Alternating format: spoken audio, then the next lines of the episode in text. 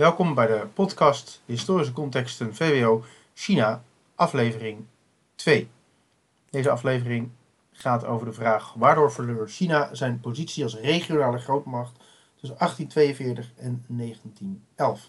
En uh, we hebben de vorige keer gezien dat uh, China eigenlijk een, uh, de grootste economie van de hele, hele wereld had, samen met India. En ook samen met India allermeeste bevolking van de hele wereld. En dat er dan toch uiteindelijk aan het begin van de 19e eeuw een verschil blijkt te zijn ontstaan tussen West-Europa, later ook de Verenigde Staten, en China en, en ook India. En die verschillen die worden vanaf 1842 eigenlijk heel erg duidelijk als de opiumoorlogen beginnen. ik had het vorige keer ook al over het begin van de industriële revolutie in Engeland. En door die industriële revolutie neemt de um, economische macht van Engeland heel erg toe. En um, ook tegelijkertijd de militaire macht. Want door de industriële revolutie uh, gaat, krijgt de innovatie een enorme vlucht. En um, ook, waar ik het vorige keer ook over had, door ook uh, Napoleon tussen oorlogen in combinatie met de industriële revolutie neemt uh, ja, kennis over de staal, staalbewerking en daarmee het maken van steeds betere kanonnen en geweren en munitie uh, wordt, uh, neemt toe. Maar ook, denk ook aan stoomschepen, stalen stoomschepen die Engeland heeft, waarmee Engeland ook dus tegen de wind in kan varen, niet meer van de wind afhankelijk is, ook niet meer van roeikracht afhankelijk is en dus schepen heeft die veel krachtiger zijn dan wat China te bieden heeft. Nou, wat er in ehm, Engeland gebeurt. Dus Engeland heeft ehm, de Napoleontische oorlogen gewonnen. Engeland heeft tegelijkertijd aan de andere kant van de oceaan, mede door die Napoleontische oorlogen, waardoor Frankrijk zich volledig concentreerde op Europa en dus niet meer bezig was met het uh, verwerven van overzeese koloniën, heeft in India een, uh, een groot gedeelte van, de, van het uh, Indiase subcontinent um, bedwongen en overheerst dat. En daar is een grote vraag naar thee en dan met name de thee uit, uit China, want die is van een hele hoge kwaliteit. Omdat de Engelsen in India dat ook drinken, ontstaat er in Engeland ook een grote vraag naar thee. En uh, er is eigenlijk, zoals we vorige keer ook al zagen, met die tribuutbezoeken uit Korea en uit Vietnam richting de Chinese keizer, is in China zelf niet echt veel interesse voor en ook geen behoefte aan producten uit de rest van de wereld. En dat zorgt ervoor dat Engeland met een uh, ja, probleem geconfronteerd wordt. Want de enige manier om aan thee te komen en ja, andere producten die ook heel gewild zijn, zoals porselein en zijde, uh, eigenlijk ook alleen maar in China te verkrijgen, ja, dat is door daar zilver voor te betalen. En um, dan kan je je voorstellen dat dat natuurlijk niet een hele goede handelsbalans is voor um, Engeland. Engeland heeft de hele tijd meer zilver nodig om die producten te kunnen kopen koop die producten, maar dat zijn allemaal consumptiegoederen. Zijde, dat draag je, thee, dat drink je, dat gooi je daarna ook gewoon weg. Dus daar heb je dan verder niks meer aan. Ze moeten voortdurend nieuwe hoeveelheden zilver naar China. En um, even heel uh, kort gezegd, komt het natuurlijk op neer dat er dus um, steeds meer zilver richting China vloeit. Dus wat gebeurt er met de prijs van zilver in China? De waarde van zilver in China, die neemt af. Tegelijkertijd moeten de Engelsen elke keer zilver naar China brengen, waardoor voor hen de waarde van zilver juist toeneemt. Dus die producten die ze uit China halen, die worden, um, ja, er is zeg maar die inflatie die werkt twee kanten op. Enerzijds moet je meer zilver ervoor betalen in China, omdat in China het zilver minder waard is geworden. Anderzijds is dat zilver meer waard geworden voor de Engelsen, waardoor zij er dus veel meer voor moeten betalen.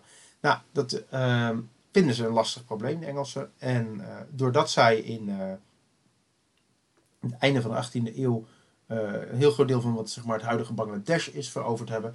Daar wordt onder andere opium verbouwd. Komen ze op het idee om op Kanton, waar ze in halverwege de 18e eeuw een, een handelsvestiging hebben, om daar ook opium te gaan importeren. En zij, zij brengen dat daarheen en die um, opium kunnen ze dan ruilen tegen thee en andere producten die ze willen. En het voordeel daarvan is dat opium wat je van de papaverplant uh, wint, dat groeit gewoon weer aan. Dat is een consumptiegoed. Dus daar is de hele tijd vraag naar. En um, in plaats van zilver is dat dus voor de, voor de Britten veel handiger. Zij laten dat produceren in uh, Bengalen en transporteren dat naar China, verkopen dat in China voor thee en ze kunnen die thee dan weer meenemen. Een bijkomend voordeel van opium, opium is ook de grondstof van heroïne, is dat het super verslavend is. Dus de vraag naar opium, als je die eenmaal hebt, die neemt eigenlijk niet af. Die wordt zelfs meer als er meer mensen het gaan gebruiken. En ehm, nou ja, dan krijg je dus ook vanuit ehm, China dat daar wel tegenstand tegen is. Want ze krijgen dus een verslavend uh, spul binnen in plaats van dat zilver dat, uh, dat binnenkomt. Dus dat is helemaal niet fijn. Uh, grootschalig drugsgebruik is natuurlijk ook maatschappelijk ontwrichtend. Dus de Chinese overheid is daar helemaal niet blij mee. En die wil eigenlijk die opiumhandel gaan, gaan verbieden. Nou, vanuit de Britten was er, is niet echt veel ehm, er niet veel scrupules, niet veel vroeging over het feit dat ze opium gebruiken om handel te kunnen drijven, terwijl ze weten dat het zo verslavend is, omdat zij ja, vinden dat zij als witte Europeanen een beschavende taak hebben. En um, ja, dat het de Chinezen gewoon aan zelf aan te rekenen is dat ze zo zwak van karakter zijn dat ze verslaafd raken. En dat het ook voor de rest niet erg is, omdat het uh, andere mensen zijn. Dus die kan je ook als, uh, als minder behandelen. Ja, vanaf uh, 18, uh, 9, op 18, 1839 dan laat de Chinese keizer anderhalf miljoen kilo ruwe opium van Engelsen vernietigen in Kanton. Het zo groot is dus ook die handel op dat moment dat er anderhalf miljoen kilo ligt. En ja, Engelsen zijn er natuurlijk heel boos over, maar de Chinese keizer ziet eigenlijk niet echt een andere mogelijkheid, omdat um, hij het niet voor elkaar krijgt, die handel op een andere manier. Hij verbiedt het wel in China zelf, maar zolang de Engelsen dat blijven um, aanvoeren in de, de, hun handelspost in Kanton, dan kan hij er niks aan doen. Dus hij laat dat vernietigen. Engelsen worden heel boos. Die uh, sturen de, de, Royal Navy, de Engelse marine. Uh, die verslaan ook uh, de Chinese oorlogsvloot. En er wordt een, uh, ja, een soort van, van, van koude vrede getekend. Dat in 1842 dat de Engelsen de, de handelspost in Kanton mogen behouden. En uh, dat zij inderdaad zullen stoppen met het, met het handelen in, um, in opium. Maar tegelijkertijd wordt die, die afspraak wordt volledig met voeten getreden. Er wordt nog steeds ontzettend veel in, in opium gehandeld. En iets meer dan tien jaar later, 1856, breekt opnieuw de oorlog, opiumoorlog uit. Um, wat komt, redenen daarvoor zijn enerzijds het feit dat Chinese smokkelaars erachter zijn gekomen dat als, jij een, als zij een Britse vlag in de mast hebben hangen, dat ze dan officieel als Engels gezien worden door de Chinese marine. En die voeren dus allemaal een Engelse vlag. Nou, die smokkelschepen, hè, die dus gewoon dus nog steeds het handelen zijn, die worden tegengehouden door de Chinese marine, toch nog. En als er dan eentje aangevallen wordt door de Chinese marine, zien de Engelsen dat als een aanval op Engeland zelf, terwijl dat gewoon een Chinese smokkelaar is die het gewoon handig vindt om een vlag te voeren. Om zo te hopen bescherming van de Engelsen te krijgen. Maar dat lukte ook. En um, een grote klacht van de Engelsen en uh, andere eigenlijk, en de Fransen ook, die ook zijn, erbij zijn gekomen. In Vietnam hebben, zijn ze bezig met koloniseren en vandaar kunnen ze naar China. Um, grote grief van hen is dat zij meer, ha meer havens zouden hebben waar ze handel mochten drijven en dat de Chinezen daar heel moeilijk over doen. En als reactie gaan de Engelsen en de Fransen ehm, oorlog voeren. Een hele uh, ja, succesvolle oorlog eigenlijk ook. Waaruit blijkt ook dat dus die, ja, die militaire overmacht van de West-Europeanen echt overweldigend is. Die beschikken met een veel kleiner leger, maar die beschikken over zulke vernietigende kanonnen en geweren dat zij in staat zijn om de Chinezen te verslaan. En dat ze ook in staat zijn om zelfs uh, tot aan Peking door te dringen en daar het zomerpaleis van de Chinese keizer te vernietigen. Nou, en dan uh, moet China, uh, ziet China eigenlijk niks anders meer als mogelijkheid om te doen dan akkoord gaan met hele vernederende verdragen, de zogeheten ongelijke verdragen. Voor westerse landen, voor de kooplieden van westerse landen, komen er vrije havens waar zij zelf zich mogen vestigen en geen belasting hoeven te betalen. Hongkong wordt aan Engeland afgestaan. Rusland, Japan, Frankrijk, die mogen ook in, in China dingen, um, de delen van steden gaan besturen. En je krijgt in steden, in die verdragshavens, krijg je zogeheten concessiegebieden. Gebieden waar Engeland of Rusland of Japan of Frankrijk, later ook Duitsland, um, heel kleine stukjes zelfs voor België, maar dat is niet echt noemenswaardig. Maar um, die mogen zij zelf gaan besturen. Zij mogen daar ook overheidstaken overnemen van politie en belastingheffing en dergelijke. En hun rechtspraak is daar geldig. Wat er dus voor zorgt dat in um, veel grote Chinese havens er een Britse enclave, een Brits concessiegebied is, een Frans concessiegebied. En in dat concessiegebied, daar ehm, geldt gewoon de, gelden de regels van de Britten of van de Fransen. Wat er dus ook toe leidt dat als je als Fransman buiten het concessiegebied een misdaad begaat en erin slaagt om niet gepakt te worden en het concessiegebied in te vluchten, dat je ook niet meer, uh, dat je niet uitgeleverd gaat worden door de Fransen.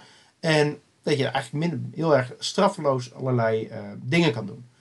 Daarnaast wordt de opiumhandel ook niet verboden. En China wordt gedwongen om miljoenen aan schadevergoeding te betalen. Dus de kosten die um, de Fransen, de Japanners, de Russen en met name de Engelsen gemaakt hebben om uh, China te verslaan, die worden nog eens een keer gedragen door China zelf.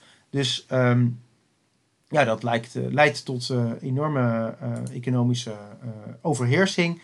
Maar het leidt er ook toe dat er een ehm, dat, dat zeg maar, uh, door dat verdrag van Nanking wordt dat uh, genoemd, door dat verdrag zorgt het er ook voor dat China dus heel veel economische mogelijkheden ja, ontnomen krijgt en zich veel moeilijker kan, kan ontwikkelen. Ja, wat er dan later nog gebeurt in die, bij die gewapende conflicten, is het ehm, allereerst belangrijk om te zien dat er een, in China zelf ook veel verzet is. We hebben het vorige keer al gezien dat die Qing-dynastie, dynastie, of die Manchu-dynastie, die is um, niet Chinees, niet etnisch Chinees, zijn geen Han-Chinezen, zijn Manchus. We hebben ook een, een, een ander schrift, een andere taal, hoewel um, in de 19e eeuw heel veel Manchus het Manchu amper nog uh, machtig zijn en gewoon uh, Mandarijn Chinees spreken. Maar um, twee grote opstanden die uitbreken zijn de Taiping-opstand van uh, 1850 tot 1864, waarbij Hong Xuan, de leider van de Taiping-opstand, uh, claimt de jongere broer van Jezus Christus te zijn. En um, die uh, weet eigenlijk een hele, hele um, uniek soort ideologie neer te zetten. Hij verwerpt bijvoorbeeld de, um, het idee van de staatsexamens, Confucianistische staatsexamens. Maar hij uh, keert zich ook af van alle buitenlanders. Maar, misschien ook wel enigszins begrijpelijk vanuit het perspectief van Han-Chinezen en de um, Hong Xiuquan is een uh, Han-Chinees, de Taiping-opstand zijn Han-Chinezen. Dat um, voor hen buitenlanders, dat zijn ook de Manchus, dus de zittende dynastie van China, dat zijn voor hen ook buitenlanders. Net zo goed als dat uh, de Engelsen en de Fransen dat zijn. Ze ook buitenlanders. En uh, zij willen dus zowel de Qing-dynastie als het Westen eruit gooien. En in eerste instantie gaat het heel goed. Het midden en zuiden van China wordt voor een heel groot deel door hen veroverd. Um, zij uh, slagen er ook in Nanking, de, de oude hoofdstad, de zuidelijke hoofdstad eh, van China, te veroveren. Vanaf daar gaan ze ook regeren. En um, zij worden bijvoorbeeld ook de, de langharen genoemd, omdat zij uh, anders dan dus die Manchus voorschrijven, hun haar niet aan de voorkant kaal, hun hoofd niet kaal scheren aan de voorkant en de achterkant een, vlecht, maar ze hebben, laten hun hele haar lang groeien. En um, ja, dat is een, een verschrikkelijk conflict met uiteindelijk het Westen uh, de kant van uh, de Chinese keizer kiest, omdat zij uh, bang zijn dat die Taiping-opstand, die keizer, die Taiping te, te machtig gaan worden en hen tegen gaan werken. En zij denken dat als die, um, die Qing-keizers dat die zo onmachtig zijn dat ze die beter kunnen dwingen om te doen wat ze willen. Voor een aantal hooggeplaatsten binnen die uh, Taiping-beweging is dat heel pijnlijk, omdat zij dachten dat zij ook, zij zien zichzelf ook als christelijk en zij dachten dat ze dan met het Westen wel uh, zaken konden doen. Maar dat gebeurt niet.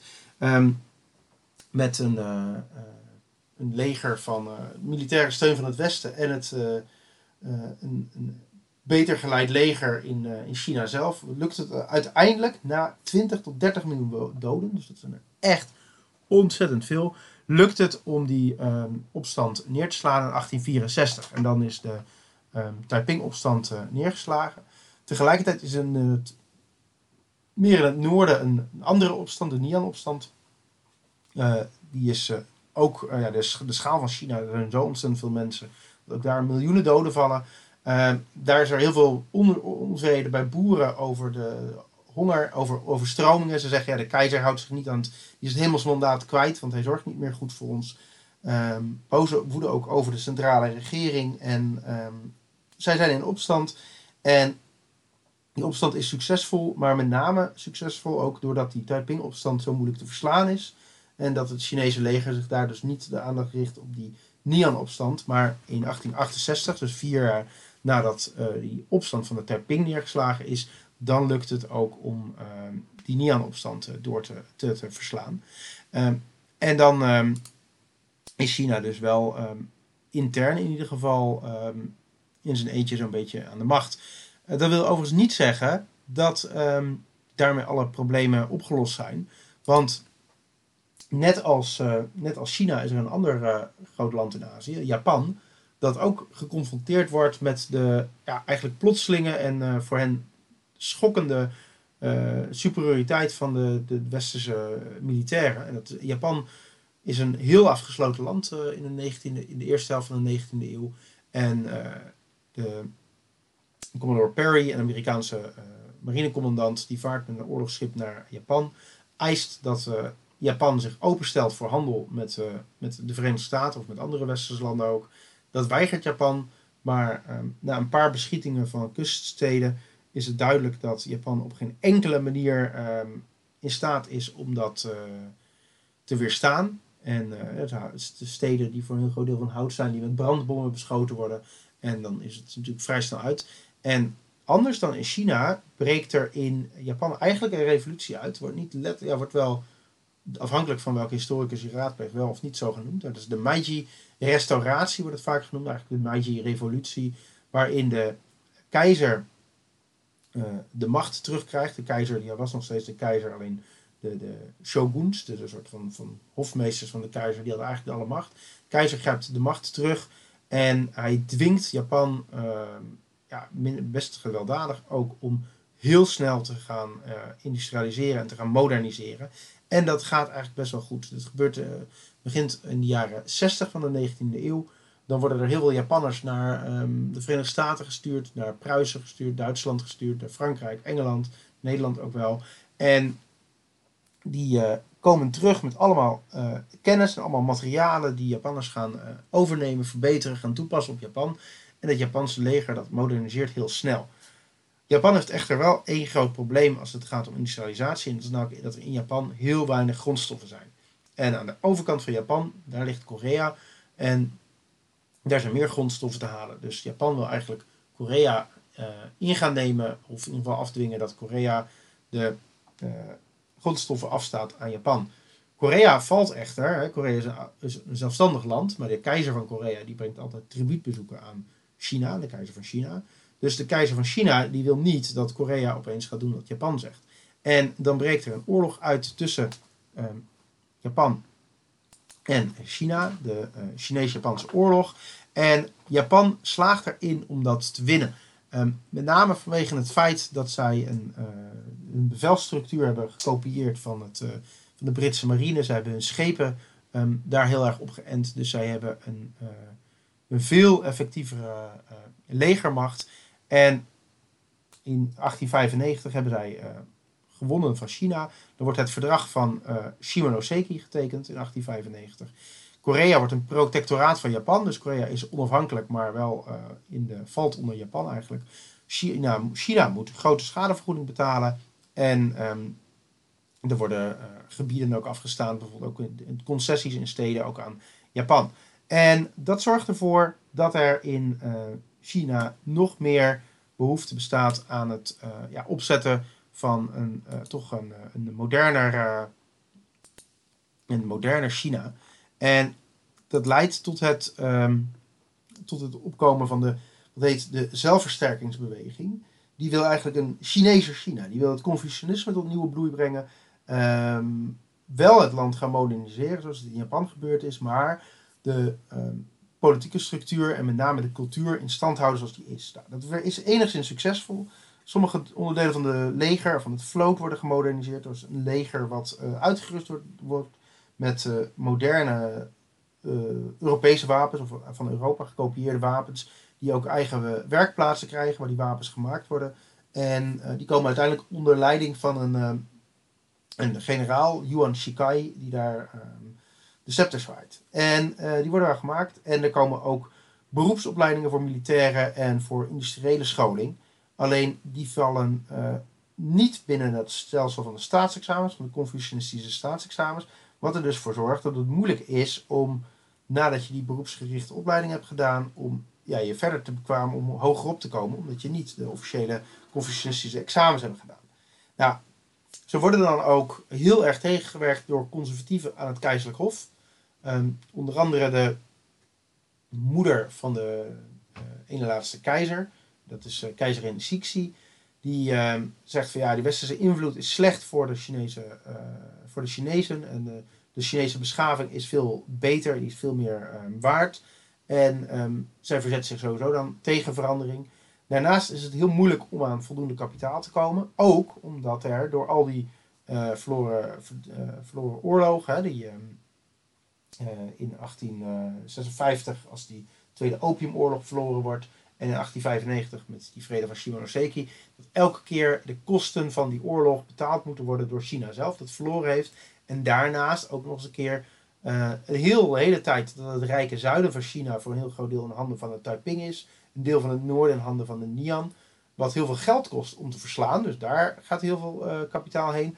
En daarnaast, doordat het bezet wordt door opstandelingen, dat ook nog eens een keer daar geen um, belasting gegeven kan worden voor dat keizerrijk. Um, en tot slot, de Chinese bedrijfsvoering kent uh, anders dan wat uh, met name de, vanaf Napoleon in Europa is opgekomen. het stelsel van rechtspersonen, waarbij je dus als rechtspersoon veel makkelijker allerlei kapitaal kan aan, aantrekken, omdat je dan naamloze vennootschappen kan creëren. China kent dat eigenlijk niet, waardoor persoonlijke loyaliteit een belangrijke rol speelt. En vanwege het feit dat die uh, Manchu-dynastie aan de macht wil blijven, ook um, dus ja, familiebanden en daarmee corruptie ook op de, uh, op de loer liggen. Nou, die um, zelfversterkingsbeweging is dus wel enigszins succesvol, maar door conservatieve tegenstand, gebrek kapitaal um, komt het uiteindelijk niet, niet echt van de grond. En dat leidt tot zoveel onvrede dat de hervormingspoging daarna zich echt buiten de staat bevindt. Dat is met de, de bokseropstand, de, de vuisten der gerechtigheid noemen zich, zij zich. Dat is een, een, uh, ja, een mystieke beweging die in China ontstaat. En opnieuw, net als dat je bij die Taiping-opstand had gezien, uh, zijn dat uh, Han-Chinezen, de absolute meerderheid van, van de Chinezen, ook nu nog, maar ook toen, dat zijn Han-Chinezen. Die hebben een enorme afkeer, hebben die, die boxers, zoals ze ook genoemd worden, hebben een enorme afkeer van buitenlanders. Ze willen echt terug naar China voor de Chinezen. Dus ze willen alle Engelse, Franse, Duitsers en Japanners eruit. Maar voor hen zijn de Manchus ook buitenlanders. Dus ze willen ook de Manchus eruit. En dat zorgt ervoor dat hun, uh, hun opstand in eerste instantie best wel succesvol zou kunnen zijn. Uh, ze komen in, uh,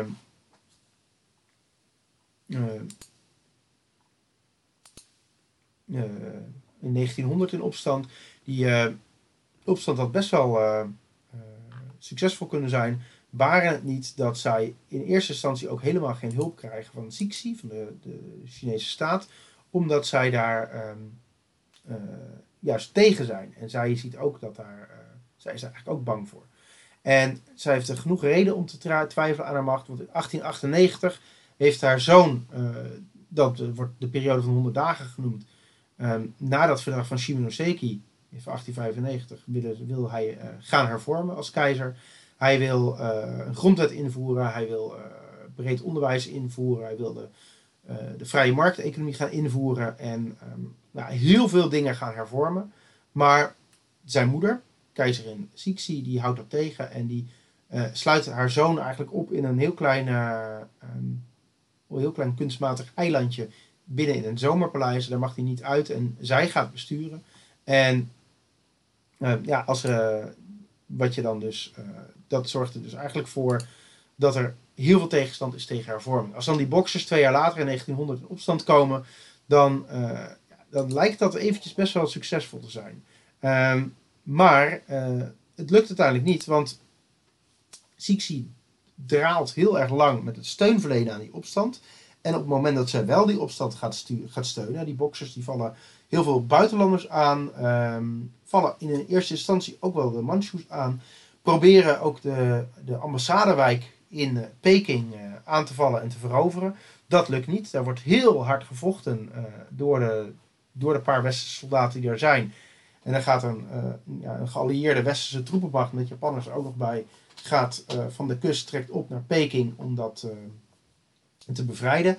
Uiteindelijk kiest Sixi de kant van de boxers, maar omdat zij dus ook bang voor ze is en ook voor hun hervormingsdrang bang is, houdt zij bijvoorbeeld dat uh, die westerse legermacht van Yuan Shikai uh, houdt zij achter om zo te zorgen dat als de boxers de Europeanen eruit gegooid hebben, dat zij dan nog een legermacht achter de hand heeft om die boxers weer te verslaan. En daardoor lukt het niet om de krachten te verenigen tegen de Europeanen. En uiteindelijk die, ja, die bokseropstand neergeslagen wordt. Uh, Sixi moet heel vernederend zittend op de foto met staande uh, vrouwen van de ambassadeurs van, uh, van China. Daar is ook een, foto van. En dat is dus een foto genomen van de keizerin, waar eigenlijk iedereen, met name vrouwen ook, voor zich op de, op de grond moesten werpen. En in plaats daarvan zit zij en staan de westerse vrouwen van die ambassadeurs van de Europese landen, staan om haar heen staan dus hoger dan haar. En dat is, uh, naar verluid is dat voor haar heel uh, vernederend geweest. Nou, wat er na 1900 wel gebeurt, is uh, dat er grote hervormingen aangekondigd gaan worden en ook ingevoerd gaan worden. Het is duidelijk dat China niet op deze weg verder kan. En na 1900 komen er grote hervormingen. De Confucianistische examens worden afgeschaft. Um, het, er komen nieuwe scholen westerse vakken. En um, er wordt zelfs gewerkt aan het invoeren van een parlementaire democratie en een grondwet. Maar dat is wel uh, heel erg laat. En daardoor uh, krijg je eigenlijk een, uh, een ander, ander probleem. Want door die, die onderwijshervormingen, er zijn te weinig keizers, weinig docenten die les kunnen geven in ja, moderne westerse wetenschap in plaats van het Confucianisme. Dus, dus onderwijs van heel slechte kwaliteit. Er is ook ja, nog steeds een, een tekort aan kapitaal. En door het wegvallen van die Confucianistische examens is de hele ambtelijke top, die juist daarin uh, opgegroeid was en die de kinderen daarop ook aan het trainen was, die uh, ja, voelt eigenlijk het, dat er aan de poten gezaagd wordt. Dus er is nog steeds niet echt steun voor die, uh, voor die hervormingen. modernisering van het leger gaat wel door, alleen um, die militairen die zijn, voelen zich vooral loyaal aan de bevelhebber en niet zozeer aan de keizer. Ook omdat nou, Yuan Shikai, ik noemde hem al, dat uh, modernste leger leidt. En uh, daar ook heel erg het uh, Chinese nationalisme bedrukt, benadrukt. Hè, dus het nationalisme van de Han-Chinezen, waar die Manchus juist niet bij horen. Nou, in 1908 dan sterven keizerin Cixi en vlak daarvoor haar, haar zoon ook. En er zijn heel veel vermoedens dat zij haar zoon vergiftigde omdat zij dacht dat ze ging sterven. Een uh, neefje, Puyi, wordt uiteindelijk uh, keizer. En um, Yuan Shikai wordt weggestuurd omdat er veel angst is dat hij gaat de macht zou proberen te grijpen. Maar een jongetje van acht wordt keizer. En ja, die heeft natuurlijk zelf helemaal geen, geen macht. Maar dat, ja, de, de, afschaffing van het examensysteem en het wegvallen van een, iemand die nog krachtig leiding kan geven, zorgt ervoor dat ja, het gezag in China eigenlijk heel snel afbrokkelt. En er zijn ontstaan allerlei genootschappen die streven naar een modern China en die gaan zich uh, verenigen. En een van de leiders daarvan, dat is Sun Yat-sen, iemand die in, uh, eerst in Japan, later in de Verenigde Staten medicijnen gestudeerd heeft als arts. En um, zich ontpopt als Chinese nationalist. En heel erg zich inspant voor het, uh, ja, het moderniseren van China. En op 10 oktober 1911 ontstaat, breekt er een opstand uit in Wuhan grote uh, gewapende opstand. En um, ja, in Peking blijkt dat er eigenlijk geen soldaten zijn die in staat zijn om die opstand neer te slaan. En dan is er nog maar één iemand tegen, tot wie uh, ze zich kunnen richten. En dat is Yuan Shikai met zijn moderne westerse leger. En um, die is inderdaad bereid om de opstand neer te slaan. Maar hij eist dan wel dat de Qing afstand doen van de troon. En dat er een republiek komt en ehm, ja, op 12 februari 1912 doet Puyi afstand van de troon. En um, Sun Yat-sen, die de hele um, nationalistische beweging in China heeft proberen op te zetten, die roept in Nanking de Republiek China uit. China wordt een uh, republiek en hij, Sun Yat-sen is voorlopig president. En wat er dan uh, gebeurt, en dan blijkt dus ook dat is die Qing-dynastie, de Manchu-dynastie, niet op heel veel steun kon rekenen. Dat er, er zijn veel foto's van Chinezen die heel blij hun staart afknippen, omdat ze niet meer die verplichte Manchu-haardracht hoeven te hebben. En uh, Sun Yat-sen wordt uh, president. Maar door het wegvallen van dat keizerrijk blijkt ook dat het uh, laatste beetje gezag wat er nog was centraal in China eigenlijk ook verdwenen is. Um, Sun Yat-sen heeft geen leger onder zich. Hij draagt het presidentschap over aan Yuan Shikai, omdat hij ehm, hoopt dat dan ehm, daar wel China weer een eenheid kan worden. En Yuan Shikai belooft in ruil daarvoor dat er parlementaire democratie ingevoerd gaat worden. En dat er dan uh, eenheid, uh, eenheid gaat komen. En dat uh, is eh, ja, eigenlijk de, het einde van deze syllabus. Je kan, we komen dan in, vanaf 1912 eigenlijk in een nog veel rommeliger periode terecht. Waarin het niet meer duidelijk is wie nou eigenlijk de soeverein van China is. Maar dat is in, voor aflevering 3.